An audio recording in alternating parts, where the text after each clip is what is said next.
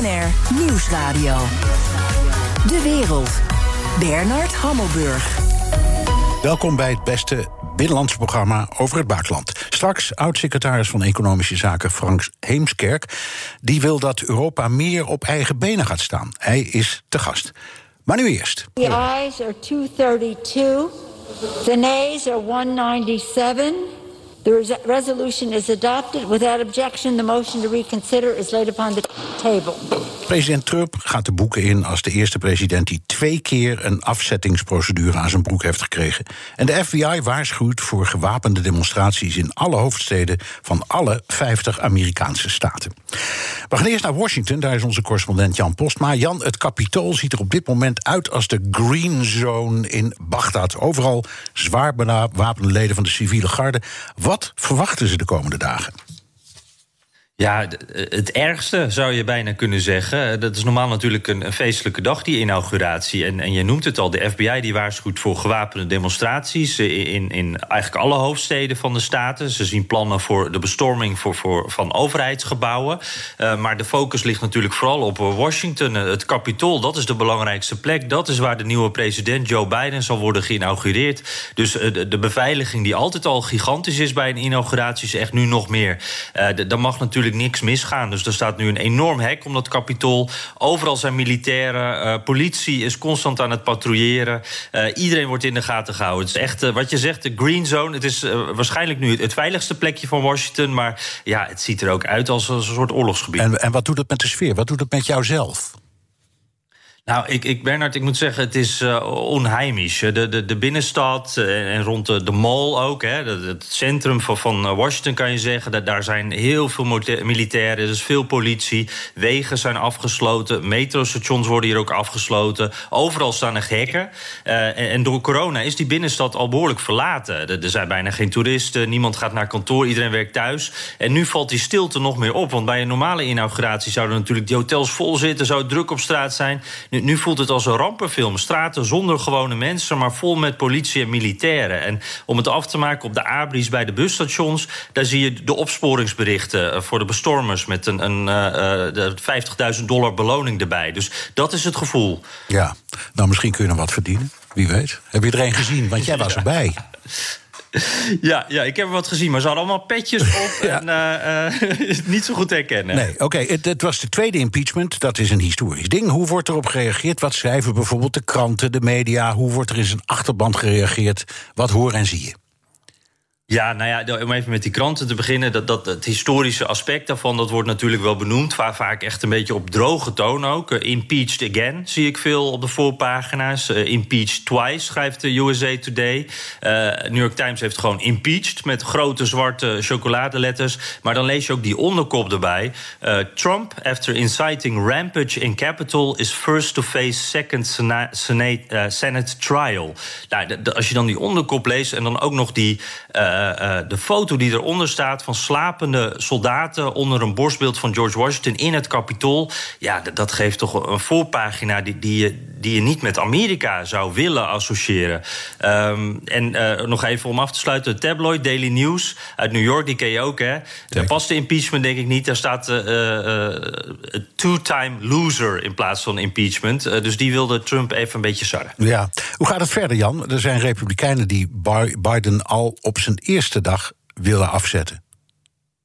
Ja, het, uh, het is natuurlijk die, die impeachment, dat is ook meteen eh, een, een uh, ja, die politieke tweestrijd geworden, die natuurlijk alles is in Washington.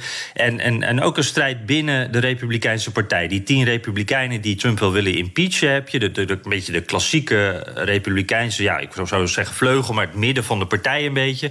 Maar er is ook nog altijd een aanzienlijke Trump-vleugel. En, en die schreeuwen, vaak ook letterlijk, echt een stuk harder, die hoor je meer. En een daarvan is Marjorie Taylor Greene, dat is een uh, QAnon aanhanger. Hè, dat complot, uh, die complottheorie.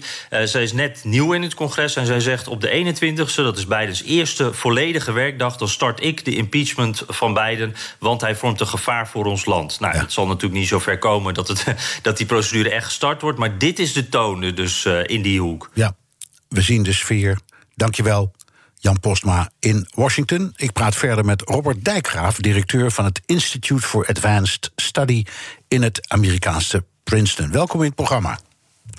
Ja, goedemiddag. Ja, jij woont in de Verenigde Staten. De kranten, radio en tv staan bol van de verhalen over de bestorming van het Capitool.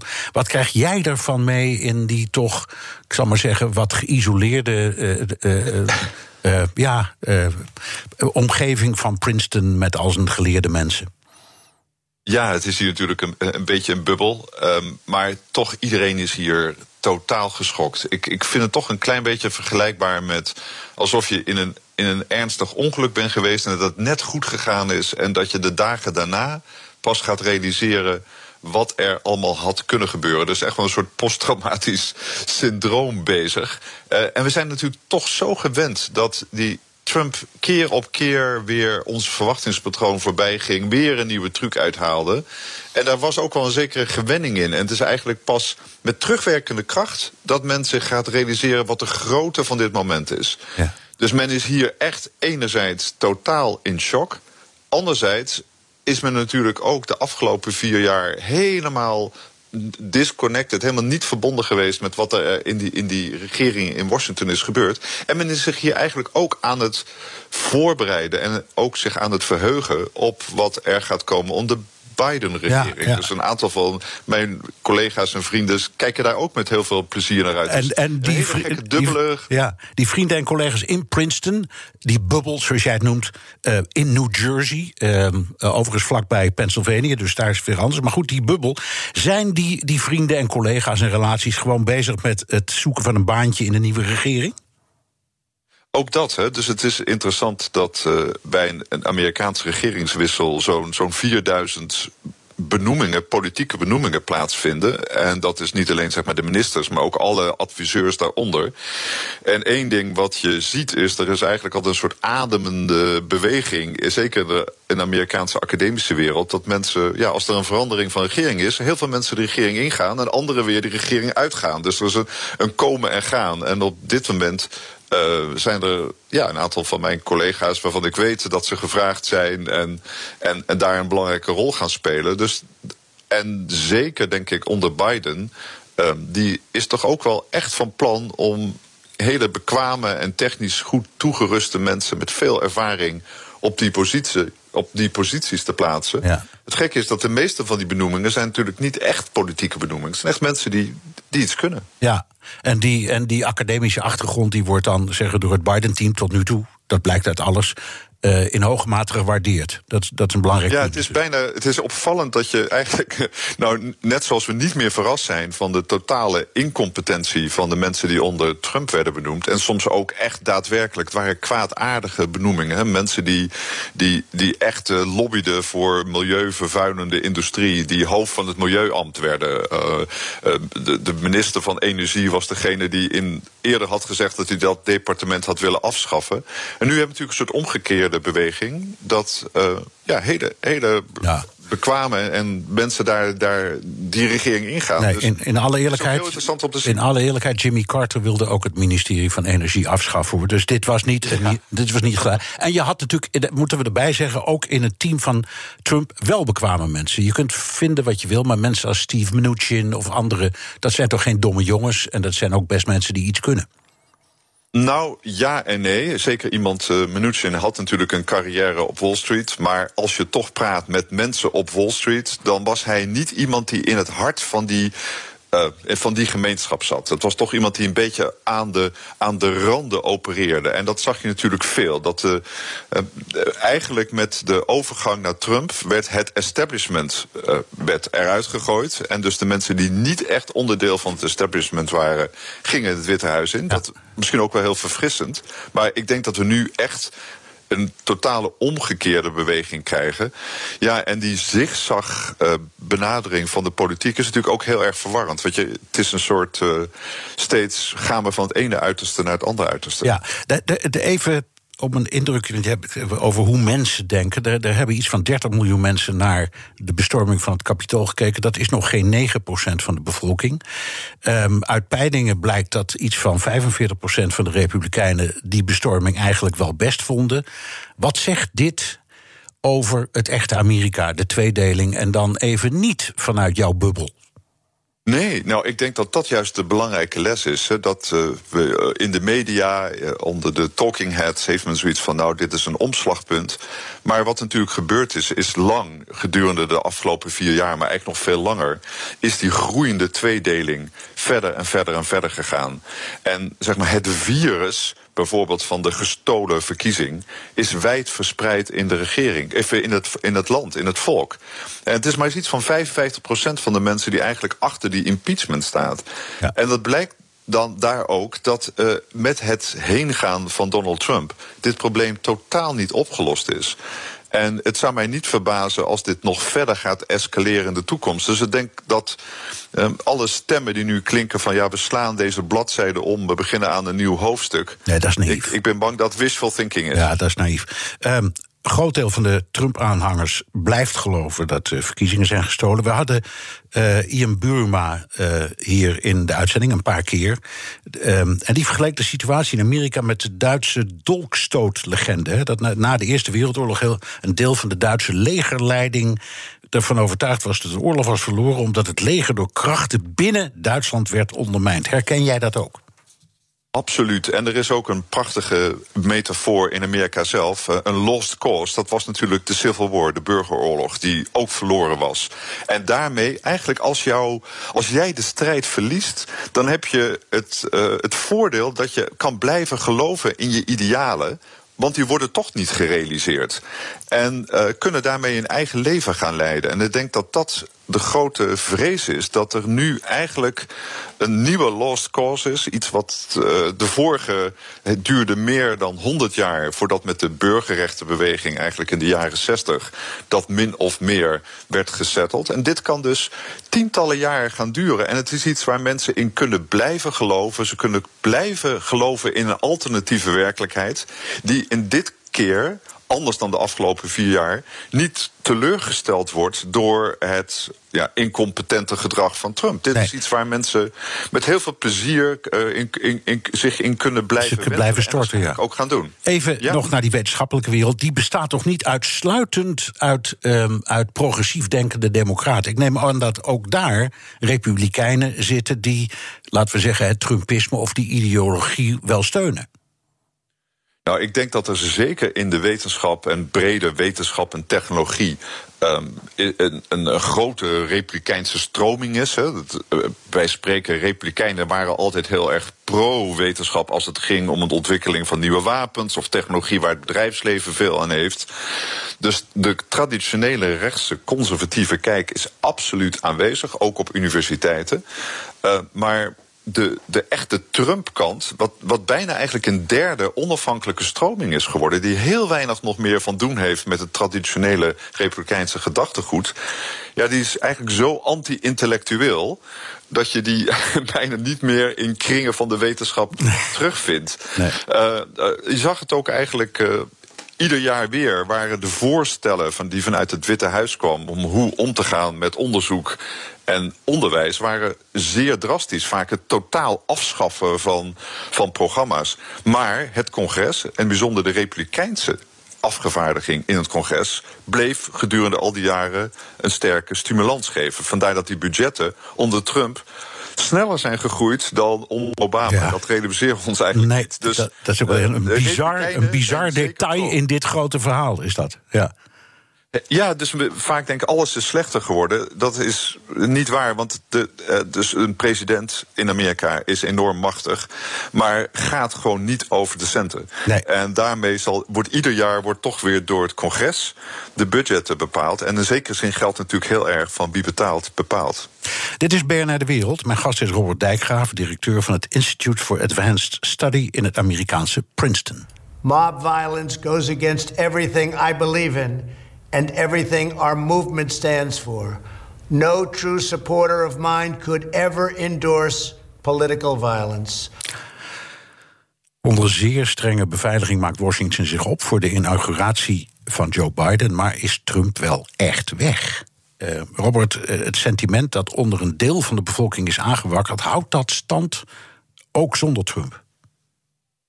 Nou, dat is de grote vraag. En ik denk dat iedereen die nu in de kristallenbol kijkt en een toekomstvoorspelling maakt, uh, daar toch twee scenario's moet onderscheiden. Dus uh, is dit iets wat zich uh, omhoog spiraliseert met uh, alle, alle onvrede die nu is, uh, gaat Trump dat eigenlijk versterken? Is die, deze beweging, die populistische beweging, over een paar maanden sterker dan die nu is?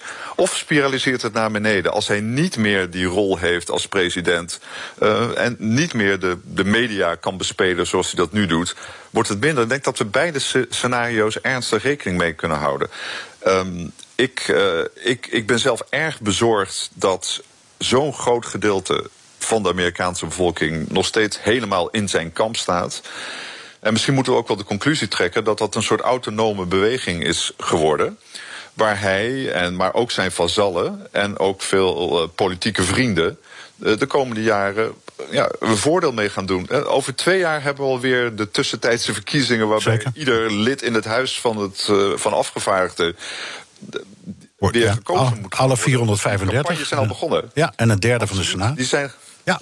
Absoluut. En uh, er zijn zo'n twintig Republikeinse senatoren, geloof ik, die uh, over twee jaar herverkozen moeten worden. Dus de campagne is eigenlijk alweer begonnen voor de, de volgende verkiezingen. En ja, ik, ik denk dat het enige wat we kunnen doen is gewoon in real time gaan kijken hoe het zich in de komende weken gaat ontwikkelen. En wordt het minder of wordt het, wordt het meer? Ik hou op dit moment eigenlijk met beide scenario's rekening. Ja.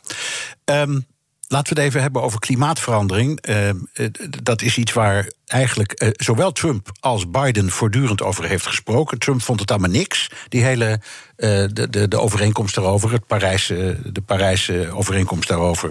En Biden zegt: ik ga die meteen herstellen. Ehm, nou weten we allemaal dat uh, klimaat in Amerika voor een groot deel een kwestie is van de staten. Dus dat gaat op uh, lokaal niveau. Maar hoe zit dat nu? Wat vinden de Amerikanen nou over het erkennen van dit probleem of het ontkennen van een klimaatprobleem? Nou, je ziet toch vaak in polls dat er toch een, een, aardige meerderheid van Amerikanen realiseert dat dit een groot probleem is. En uh, ik denk dat Biden een aantal dingen kan doen. Hij heeft een soort klimaatzaar uh, benoemd in de National Security uh, Council. Uh, of course, John Kerry wordt een soort afgevaardigde wereldwijd op het hoogste niveau, kabinetsniveau. Um, hij heeft een zeer bekwaam iemand in de, aan de EPA, het, het, het, Environmental Agency, benoemd. En hij kan een hoop doen met executive actions. Dat wil zeggen maatregelen die gewoon de president neemt. Hij, hij kan andere normen opleggen voor energie-efficiëntie van auto's. Er is een hele reeks maatregelen die hij kan gaan nemen. Dus de federale overheid is niet totaal nee, tandeloos. Maar hij zal dan een aantal dingen moeten doen per decreet, zoals Trump dat ook deed. En, en, ja. en Obama ook. En Bush daarvoor ook. Dus de, de, veel van dit soort dingen moeten worden, ik zal maar zeggen, geforceerd buiten de goedkeuring van het parlement om. Exact. En dan krijg je natuurlijk weer die zigzagbeweging. Want dan kan het zo omslaan en dan kan het zo weer teruggenomen worden. Terwijl het klimaat natuurlijk een lange termijn probleem is. Ja. Uh, maar aan de andere kant, uh, vergeet ook niet de, nou ja, toch ook de, de kracht van de Amerikaanse high-tech-industrie. Eén ding wat we het afgelopen jaar hebben gezien is de fenomenale groei van de, de aandelen van uh, Elon Musk, van Tesla. De rijkste man ter wereld nu, hè? althans op papier. Absoluut. Ja.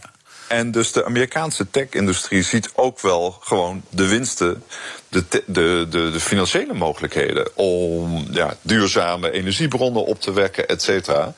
Dus uh, uiteindelijk um, is dat ook wel weer een kracht van het Amerikaanse systeem.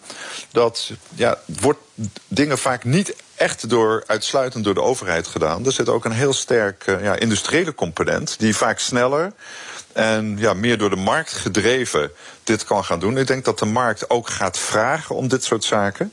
Dus uh, ik, het Amerikaanse model kan wat dit betreft ook misschien wel ons ja, verbazen ja. door zijn efficiëntie. Over dat Amerikaanse model gesproken, we hadden het er net over. Die, die transitie van 4000 banen die moeten worden gewisseld.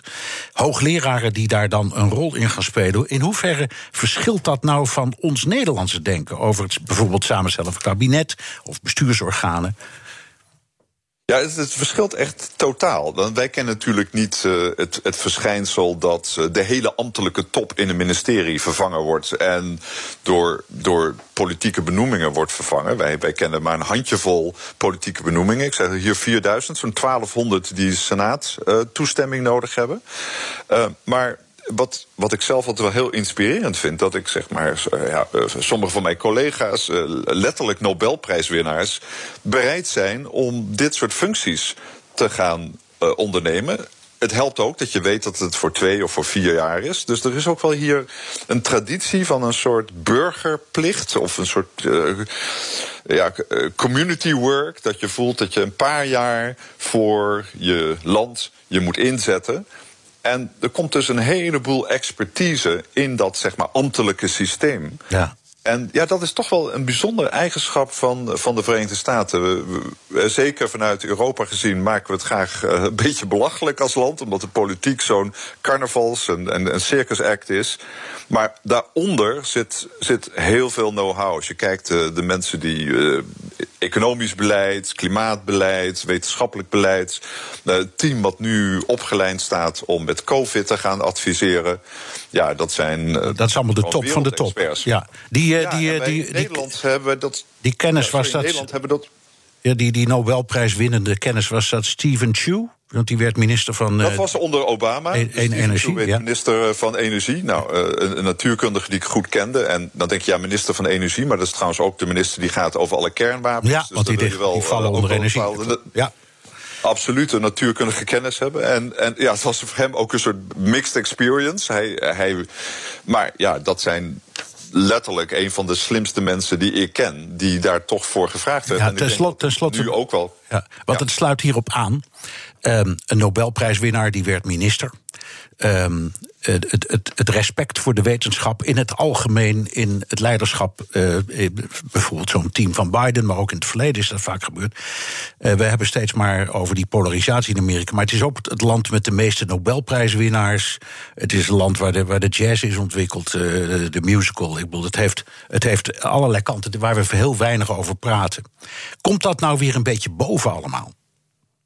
Ik hoop het wel. Het is een land wat uh, tegelijkertijd, denk ik, altijd het, het, beste en het slechtste heeft. En dat heeft wel met elkaar te maken, omdat hier namelijk enorme krachten zijn, enorme polarisatie, enorme verschillen. Geweldige topuniversiteiten en ook uh, instellingen die die naam helemaal niet verdienen. Um, ik denk dat we het afgelopen vier jaar een beetje een blik hebben gehad op het slechtste wat dit land kan bieden. Ik hoop dat de komende vier jaar weer wat iets zien van het beste wat het ja. land gaat bieden. Ja, en, en, en inderdaad, in, in deze periode richt de nieuwe ploeg zich op Harvard, op Princeton, op al die topscholen. En dat is een geruststelling, begrijp ik voor jou. Nou, enerzijds wel. Aan, aan de andere kant, en zeker als het gaat over nou ja, soort uh, technische wetenschappelijke insteek. Uh, de vraag is natuurlijk in hoeverre gaat dit pakken? Hoeverre zijn deze mensen in staat om beleid uit te dragen om het vertrouwen van de bevolking te krijgen. En daar zie je natuurlijk wat misschien wel de, de meest kwaadelijke impact is geweest van de regering Trump. Het totaal gebrek aan vertrouwen in grote groepen in de samenleving, in de regering, in experts, in, in alles ja, ik zou zeggen, in feite, in verstandige, rationele argumenten. En ik denk dat is iets wat je niet met een paar geweldige benoemingen weer terugdraait. Dat is een, een veel groter project. En eerlijk gezegd, we kunnen nog zo goed, en Biden kan zo geweldig advies krijgen. Als de mensen daar niet naar willen luisteren, als ze het niet willen vertrouwen, als ze zeggen van ja, jij bent uh, van de, uh, een, een, partijpolitiek iemand, ik, ik, doe, ik ga mijn eigen gang, ik ga me wentelen in samenzweringstheorieën, ik laat me niet vaccineren, ik geloof niet in klimaatverandering, dan is al dat advies, denk ik, uh, ja, dat heeft weinig effect. Ja, het hangt uiteindelijk af van zijn slagkracht. Dank.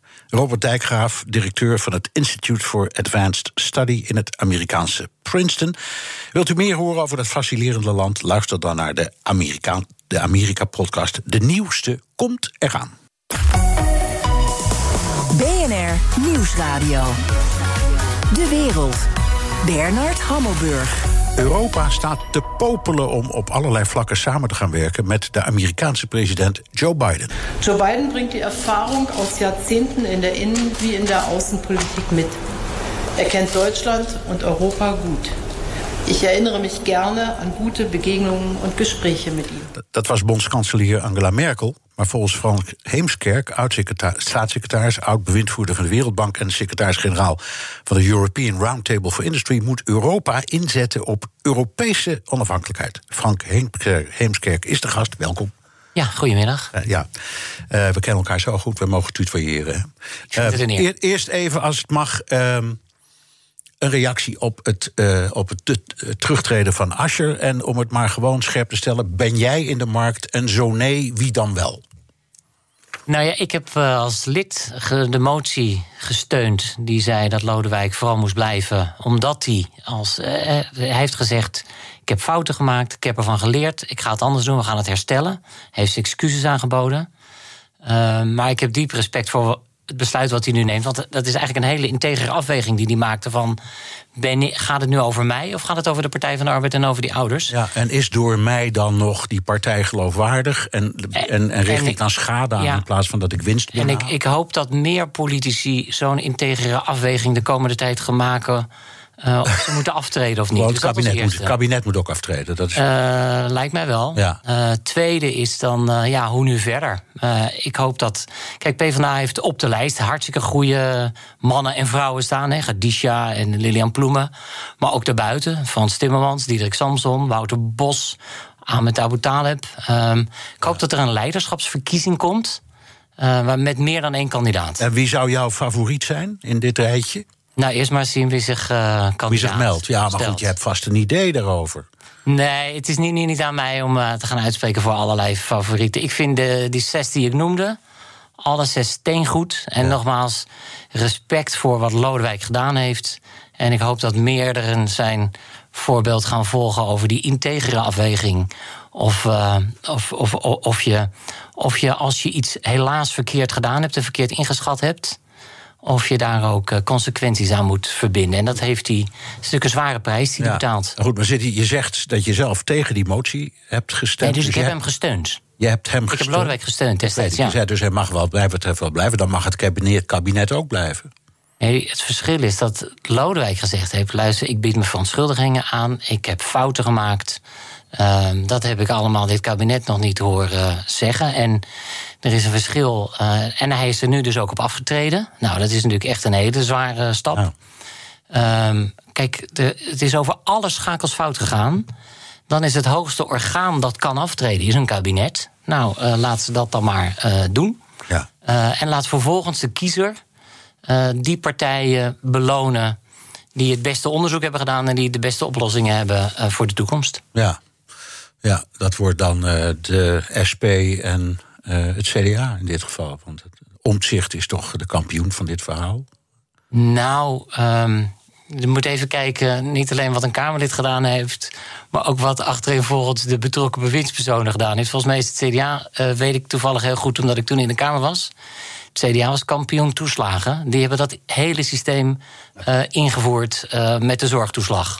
Onder leiding van een aantal staatssecretarissen en ministers van het CDA. Ja, en een minister van de Partij van de Arbeid. Lodewijk Asscher. Goed, nou, um, we hadden je hier uitgenodigd ja. in jouw huidige functie als secretaris-generaal van de European Roundtable for Industry.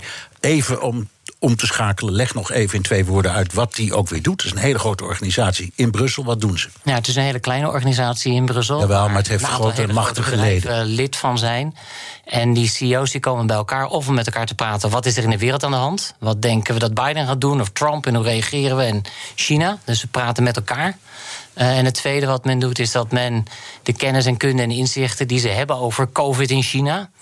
Uh, dat we die delen met regeringsleiders in Europa en met de Europese Commissie. De belangen lopen voor een deel overheen. Het moet gewoon goed gaan met de thuismarkt, het moet goed gaan met Europa. Dan gaat het ook goed met de hoofdkantoren. En dat is gunstig ook voor de European Roundtable. Ja, maar goed, jij vertegenwoordigt in dit geval ondernemers. Klopt. Ja, en ja. je lobbyt dan of hebt contacten met regeringen en, de, en de Unie. Ja. Um, stelling van jou of van eh, jouw organisatie Europa moet zich gaan inzetten voor strategische autonomie. Als ik dat hoor, dan denk ik: oké, we moeten onze eigen tanks en gevechtsvliegtuigen maken. Maar dat is klaarblijkelijk of waarschijnlijk niet wat jij bedoelt. Nee, het is het lastige van uh, het begrip. Men spreekt in Brussel over open strategische autonomie. En iedereen verstaat er wat anders uh, onder. En mijn oproep is dat Nederland zich er ook veel actiever tegenaan gaat bemoeien. Je ziet dat er in Nederland een beetje koudwatervrees is. In Nederland denken ze dan, oh, dat zal iets zijn wat de Fransen bedacht hebben. Hè? Het zal wel protectionisme zijn. Nou, dat, uh, dat zou de verkeerde invulling zijn van het begrip uh, strategische autonomie. Europa moet zorgen dat Europa economisch krachtig is, dat Europa wat te bieden heeft. Dat we helaas niet meer kunnen schuilen onder de Amerikaanse steun die we altijd hadden. Um, China speelt het spel anders in de wereldeconomie. Die vermengen economie en politiek veel meer. En wat zegt Europa daar tegenover? Ja, maar ik, even een paar dingen. In de eerste plaats die opmerking over Frankrijk, dat is waar. Omdat Frankrijk altijd denkt, wij zijn de leider van de wereld en zeker van Europa. Dus dat er enig wantrouwen is, zal wel weer een Frans opzetje zijn, dat begrijp ik wel. Maar wat ik niet begrijp, is dat je zegt, ja, wij moeten ons onafhankelijker uh, opstellen. En we zijn zo of afhankelijk, of afhankelijk geweest van Amerika. Waarmee dan? Behalve het kopen van Boeings en misschien technologie uit Silicon Valley. Maar het valt toch verder wel mee? Nee, je zit, het is militair is Amerika. Nee, maar wacht even. Gaat, dit gaat dus ook over, over militair. Ja, ik denk dat een uh, antwoord van Europa zal zijn dat er meer samenwerking komt militair. Ik denk dat een aantal lidstaten, Duitsland en Nederland, hun uh, defensieuitgaven zullen gaan verhogen. Dat hoort helaas, zeg ik, bij de economische kracht. Is ook dat je niet zoals Jaap de Hoop Scheffer zei: hè, we zijn een economische macht, we zijn een politieke puber en we zijn een militaire muis. Uh, je zal dus ook aan die militaire kant een aantal dingen moeten doen. Ik denk uiteindelijk dat het het belangrijkste voor Europa is dat wij het, um, dat wij het uh, economische um, bewijs leveren van ons gelijk. Dus we moeten zorgen dat we economisch succesvol zijn, dat we innovatief zijn. En ook daar zie je dat Amerika veel meer groei heeft laten zien. Wel heel erg ongelijk, met ook veel armoede erbij, geef ik meteen toe. Maar er is daar veel meer groei geweest, er is daar veel meer innovatie geweest. Ze hebben de hele digitale slag hebben ze gewonnen aan de consumentenkant. Hè. Facebook, Apple, Amazon.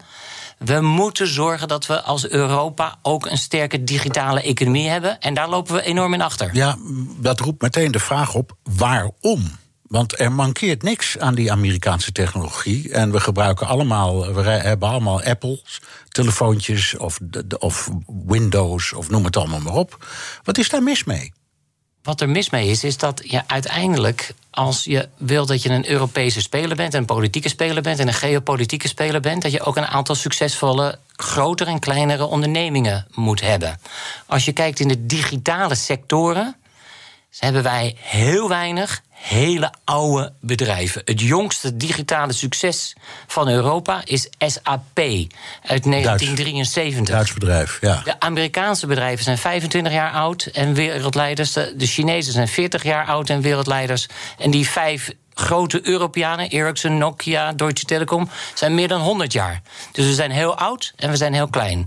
En de nieuwe economie wordt ook gedreven door die digitalisering. Nou, dan kan je zeggen, laat de Amerikanen alles maar beslissen en laat die de bedrijven maar doen.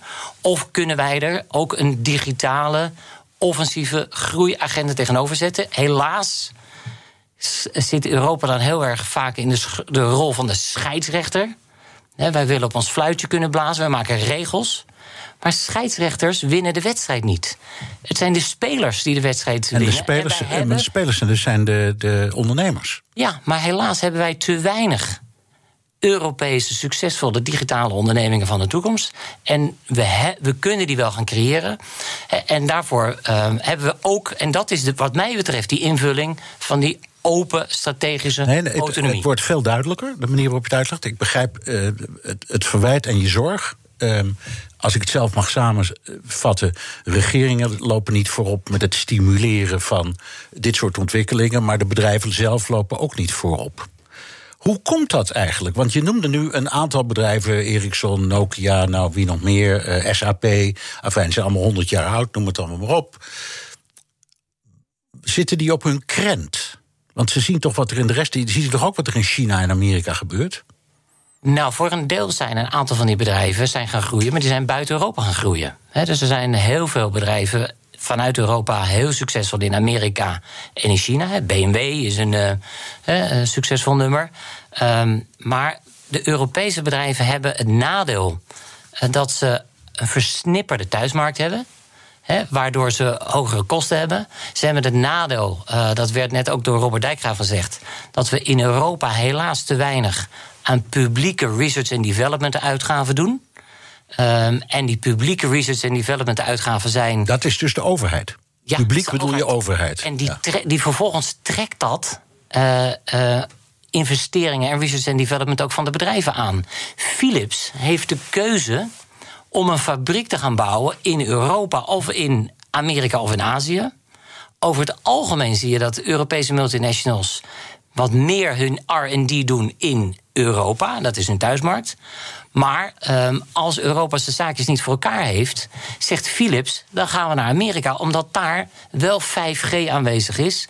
Dat is de allersnelste verbinding. En de fabriek van de toekomst, die draait op software. Die draait op snelle digitale verbindingen. Het probleem is dat Philips misschien die keuze nog wel heeft, maar de wat lokalere midden- en kleinbedrijven in Eindhoven en omgeving, die hebben die keuze niet tussen die drie continenten. Dus die agenda, die economische groeiagenda, is niet alleen van belang voor de multinationals, die is juist ook belang voor de wat kleinere Europese bedrijven. Maar dan nog zeg ik, die kleine Europese, kleinere Europese bedrijven, waarin verschillen die dan van bijvoorbeeld wat kleinere Amerikaanse bedrijven? Want Silicon Valley krioelt van de tamelijk bescheiden in omvang, tamelijk bescheiden eh, ondernemers die het toch geweldig maken. Wat is het verschil dan? Het verschil is dat Europa zijn zaakjes niet op orde heeft ten aanzien ja, van. maar Amerika heeft zijn zaakjes ook niet op orde. Nou, maar Silicon Valley wel. Ja, maar Silicon Valley, in Silicon Valley is heel veel private equity beschikbaar. Als je ziet, de, de Europese financiële stelsel is veel te afhankelijk van bankfinanciering. En kapitaalmarkten spelen een veel te kleine rol. Waardoor als er een probleem is bij de banken, heeft de hele economie een probleem. Dus de kapitaalmarkt is versnipperd. De energiemarkt in Europa is versnipperd en niet goed georganiseerd. Je kan niet eens met een, met een Tesla, geloof ik, een Amerikaanse auto van uh, Kopenhagen naar, uh, naar Madrid uh, rijden. Want er nee, maar je kan ook niet. Je, je redt dus, het ook niet van Cincinnati naar Boston met een Tesla. Dus, ja, maar laten we dan zorgen dat we daar wel in voorop gaan lopen. Dus laten we zorgen dat we de kapitaalmarkt op orde brengen. Laten we zorgen dat we een agenda hebben ook voor de Europese energiemarkt, die elektrisch is, die groen is. Laten we zorgen dat de digitale standaarden die nu nog all over the place versnipperd zijn, dat we die maken. Laten we zorgen dat ons research and development agenda, helaas is daardoor Europa in het huidige begroting op bezuinigd relatief. Dus we moeten zorgen, en Europa heeft ook een aantal dingen goed gedaan. Hè? We hebben met, met elkaar afspraken gemaakt over een soort recovery fund in Europa, 750 miljard.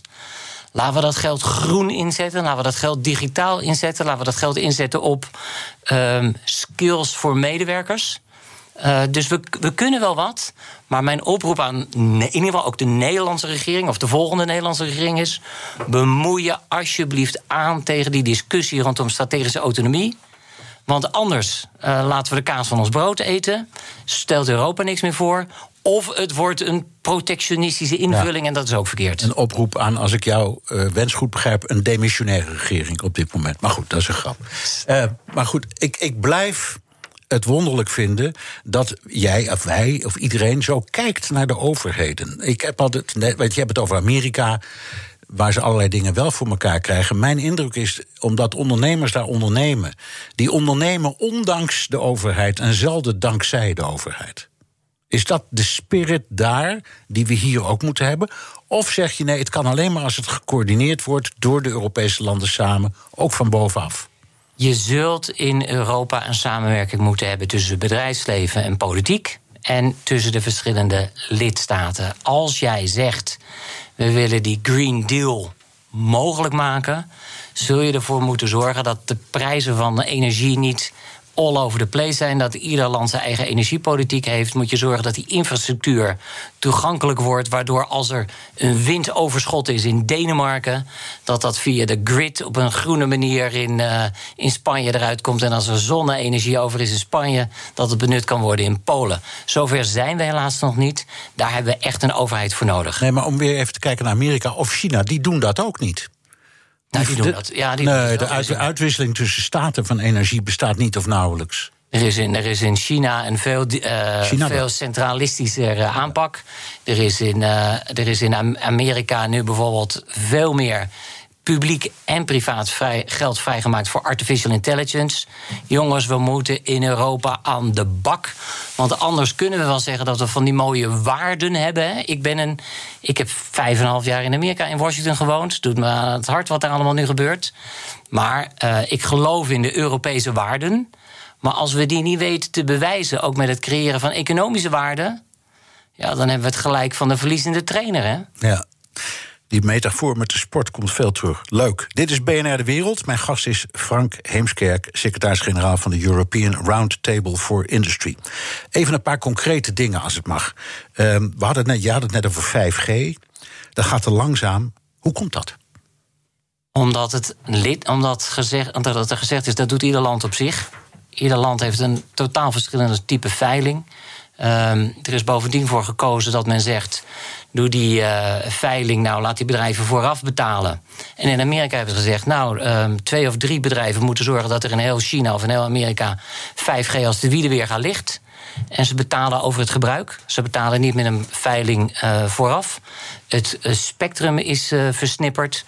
In Amerika gebeurt het door twee bedrijven. Als je in Europa via 5G, via de telecom, 95% van de bevolking wil bereiken, heb je meer dan 100 bedrijven nodig. Telecombedrijven. Dus het is in, en dit is een schaalwedstrijd. Dus we zijn in Europa totaal versnipperd, kleinschalig bezig. Terwijl juist die 5G belangrijk is voor de winkel om de hoek voor de, voor, voor de producent om de hoek en ja, ook voor die grotere bedrijven. Ja, je zegt overigens dat het in Amerika is. Dat zeggen ze wel, maar dat is niet waar hoor. Dat is T-Mobile zegt dat ze het hebben. Ik heb in Amerika een T-Mobile abonnement. En het is gewoon uh, nep. Ik kan je de, ja, hier wordt er ook gezegd dat het er is. En het is een soort. Ja, Vodafone, Vodafone zegt ook dat ze het hebben. Maar dat is, maar dat is alleen maar een snellere 4G. Uh, Ericsson en Nokia zijn lid van de European Roundtables. Dus wij kennen de cijfers heel goed. Ik kan je laten zien hoe de uitrol per land is. Daar schrik je een hoedje in Europa. En dan kan je ook laten zien dat Europa verreweg achterloopt ten opzichte van China en Amerika. En het is zo belangrijk, want het gaat over de banen van de toekomst. Ja, maar het komt ook omdat in de Europese opvatting de ether van de overheid is. Hè? Dus je veilt iets waarvan de overheid zegt dat is van ons. Geldt ook voor FM bijvoorbeeld. Wie, wie stelt dat eigenlijk vast? Nou ja, je kan, van wie is de ruimte? Je kan afspraken maken over als je hier nou geld mee verdient. En het is van ons allemaal zullen we dan wel even afrekenen. Maar de vraag is, moet je dat nou van tevoren afrekenen via een veiling? Of als lopen. Waardoor er geen geld meer overblijft om als de wielen weer die 5G uit te rollen? Of zeg je, we doen het over het gebruik? En toch kom ik terug bij... Uh, Nokia en Ericsson, die op dit gebied ook uh, erg hun best doen. En die lopen toch achter ja. op, op Huawei. Ja. Um, en, en ondanks, laten we zeggen, de verschillende vormen van regering en het beleid denk ik, dat zit dan toch ook gewoon bij die bedrijven zelf. Als ze goed hm? genoeg zijn, dan kunnen ze zeggen: jongens, jullie zeuren maar een eind weg in die hoofdsteden. Wij gaan het gewoon doen. Laat ik een voorbeeld geven over Ericsson. Ericsson is de slag aan het winnen van Huawei. Maar die doen het heel goed in China, die doen het heel goed in Amerika. Die zeggen, het is eigenlijk uh, de markt waar wij het het moeilijkste hebben, is Europa. En waarom hebben we het zo moeilijk? Omdat het die versnippende markt is. Maar ook omdat alle landen wat anders doen op het terrein van de veiligheid, van de spionage. Van het wel of niet toelaten van de Chinese apparatuur in de netten. Het is een rommeltje. Ja. Kunnen we dat gewoon nou niet even met elkaar in Europa uh, aan een goede tafel in Brussel afspreken met elkaar? En eh, wat geeft zelf als antwoord? Kan dat? Tuurlijk kan jij, jij, kent, nou ja, zeggen die internationale verhoudingen, zeker ook binnen Europa als geen ander. Kan dat? Ja, uh, maar dan moet je wel uh, met elkaar de feiten durven delen. Het moet aantoonbaar zijn dat het kwetsbaar is op het terrein van spionage. Uh, en dan moet je in Europa één lijn trekken. Natuurlijk kan dat. We hebben toch ook in Europa het Erasmus-programma afgesproken over studenten. We hebben in Europa inmiddels toch wel uh, 220 volt en één stopcontact. Nou, dan moeten toch een aantal andere dingen ook gewoon kunnen En, regelen. en, Want we hebben en, het in en het pas in de jaren 60, heb ik net opgezocht, Fahrenheit ingewisseld voor Celsius. Ja, GSM, weet je het nog, die oude Ja, GSM-telefoon? zeker wel. Dat maar was een- daarover sprekende, de, de GSM-telefoon, dat was prachtig, analoog. Dat was een standaard Ja. die in Europa is, Is ontwikkeld, bepaald en die de wereldstandaard werd. Zeker. En Maar- sindsdien laten we de kaas van ons brood eten. Ja, dat kan wezen, omdat Apple daarna met een slimmer systeem kwam, althans een populairder systeem. Maar nu GPS. Hè, dus de navigator. Dat is Amerikaans. We, we- ik hoor al jaren dat we in Europa bezig zijn met Galileo, de concurrent, een eigen systeem. Waar is het eigenlijk? En waarom is het er nog niet?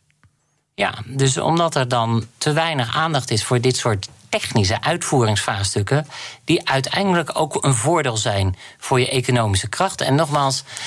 Ik geloof heel erg in de Europese aanpak. Dat we, we bestormen gelukkig het kapitaal niet in Europa. We blijven doorpraten tot we proberen een consensus te vinden. We zijn goed om om te gaan met die ambiguïteit die complexe dingen. Ehm, maar, we, al- maar dat moeten we wel zorgen dat we er dan allemaal van profiteren. En dat we groei laten zien voor iedereen. en dat bij- doen bij- we te weinig. bij Galileo, dus de concurrent voor eh, het GPS-systeem, dus het navigatiesysteem wat Amerikaans is, dat we allemaal gebruiken. Dat was wel degelijk een Eu- Europese overeenkomst. Dus waarom wordt die dan niet uitgevoerd? Daar, daar ben je eigenlijk op het punt waarvan jij zegt dat moeten we doen. En het gebeurt niet. Geen idee hoe het in detail zit met Galileo. Nee, nee. maar het is, het is een voorbeeld en het is de moeite waard eh, om erin te. Nou, nog andere voorbeelden. We gebruiken Microsoft, Amazon, Google. Je zei dat zelf ook al. Wat is daar mis mee? Het zijn toch prachtige systemen? We hebben de je- cloud, we hebben van alles en nog wat. Ja, dat je uiteindelijk, als Amerika dan zegt. Jullie hadden hiervoor een item over sancties. Als Amerika zegt, eh, wij voeren sancties in ten opzichte van een bepaald land. en we doen dat op eigen houtje. dat alle Europese eh, bedrijven die een systemen hebben in die cloud daaronder vallen. Er is nu een besluit genomen dat de het Europese Hof heeft gezegd: de privacy is niet goed geregeld in Amerika. Dus er zijn geen goede privacy-afspraken tussen Europa en Amerika. Ook dat moeten we gaan oplossen. Ook daar zie je nu een Frans-Duits initiatief. Dat heet Gaia X. Dat is een soort Europese cloud. Als alternatief om ervoor te zorgen dat de gegevens niet van de bedrijven zijn, zoals in Amerika. Dat de gegevens niet van de overheid zijn, zoals in China. Maar dat de gegevens van jezelf zijn. Dat is de Europese aanpak. Human, mensgericht. Laten we nou zorgen dat dan die cloud en die Europese cloud en die veilige cloud, dat die er komt. Betekent, en dat is een concreet voorbeeld wat de European Roundtable ook gedaan heeft. Wij zeggen tegen de Europese overheden: jullie maken de spelregels, wij stappen erin. Maar jongens, laten we nou tempo maken. Eh, en helaas, ja, omdat het een technisch onderwerp is, zit het te laag op de agenda. En we kunnen alleen die geopolitieke speler zijn die van der Leyen wil zijn als we ook economisch succesvol zijn. Even, even, even verduidelijken. Je zegt net, die cloud voldoet niet aan je Europese criteria. Zeg jij, de cloud is onveilig? Dat betekent nogal wat, zeg. Nee, de, wat ik zeg is dat de gegevens die nu in de cloud staan. Eh, en de privacy-afspraken die daarvoor gelden tussen Amerika en Europa. daar heeft de rechter een streepje door getrokken. Dus we moeten als de wiede weer gaan. En mijn voorkeur zou hebben dat we daarin samen optrekken met Amerika. Met Amerika afspraken maken over e-commerce, handel, cloud, digitalisering. En in die zin ook met als democratische landen eerlijk gezegd China confronteren met. ehm, als je mee wil doen, wel op democratische regels. En is de nieuwe president, Joe Biden, de, de man... of is dat de ploeg waarvan je denkt... daar hebben we wel een kans mee? Of zal ook hij, net als heel veel van zijn voorgangers... toch terugvallen op dat wat Trump noemde America First... maar wat eigenlijk heel veel presidenten ook altijd vonden. Ja. Ons eigen land gaat voor. All politics is local. Ja. Eh, zijn binnenlandse agenda is enorm eh, belangrijk. Biden heeft wel een hele interessante ploeg eh, mensen om zich heen verzameld... die eigenlijk veel diverser is dan wat Obama destijds deed. Ik denk dat we enorm haast moeten maken om met, met Biden afspraken te maken. Want over twee jaar zijn er alweer, uh, zijn er alweer verkiezingen. En misschien over vier jaar zit er weer een republikein. Dus um, snel afspraken maken over groene samenwerking, digitale samenwerking, hervormingen van handelssystemen, transatlantisch. Ja. Uh, we hadden gisteren ook een call erover met de, European, met de Business Roundtable, onze counterpart in Amerika. Die ook, stemming, die ook stelling nam, gelukkig vorige week, tegen wat er allemaal gebeurde in Washington uh, DC. Uh, maar we hebben haast. Ja, tenslotte. Um, je, hebt, je zei in het begin, we hadden het begin van het, het gesprek even over Nederland, de Partij van Arbeid. Enfin, um, als je kijkt naar. Dit is niet, gaat niet over formatie of verkiezingen of wat dan ook. Maar als je kijkt naar het draagvlak voor jouw um, uh, idee of jouw voorstel. Bij welke partijen in Nederland heeft dat weerklank? Um, dat is GroenLinks, D66, Partij van de Arbeid. En verder zie je eigenlijk dat bij VVD, uh, PVV. SP, al die andere partijen, CDA, Vorm voor Democratie, die hebben allemaal een anti-Europese agenda. Ik denk dat de agenda niet is, we moeten macht gaan overdragen naar Europa. Nee, jongens, we kunnen een aantal problemen alleen op Europese schaal aanpakken en oplossingen uh, leveren. En we moeten ervoor zorgen, vervolgens dat die maatregelen die genomen zijn, dat die ook ten goede komen aan iedereen lager opgeleid, hoger opgeleid, rijk, arm, dat het inclusief is. En dat Europa, en dat doen we nog wel, hè, Europa is echt het beste continent om te wonen, te werken, met pensioen te gaan, te leren. Voor de gemiddelde inwoner. Uh, maar dat moeten we wel blijven bewijzen. Dank. Frank Heemskerk, oud Partij van de Arbeid, staatssecretaris, oud bewindvoerder van de Wereldbank en nu secretaris-generaal van de European Roundtable for Industry. En tot zover BNR De Wereld. Terugluisteren kan via de site, de app, Spotify of Apple Podcast. Regeren kan via mailtje naar dewereld.bnr.nl. Tot volgende week.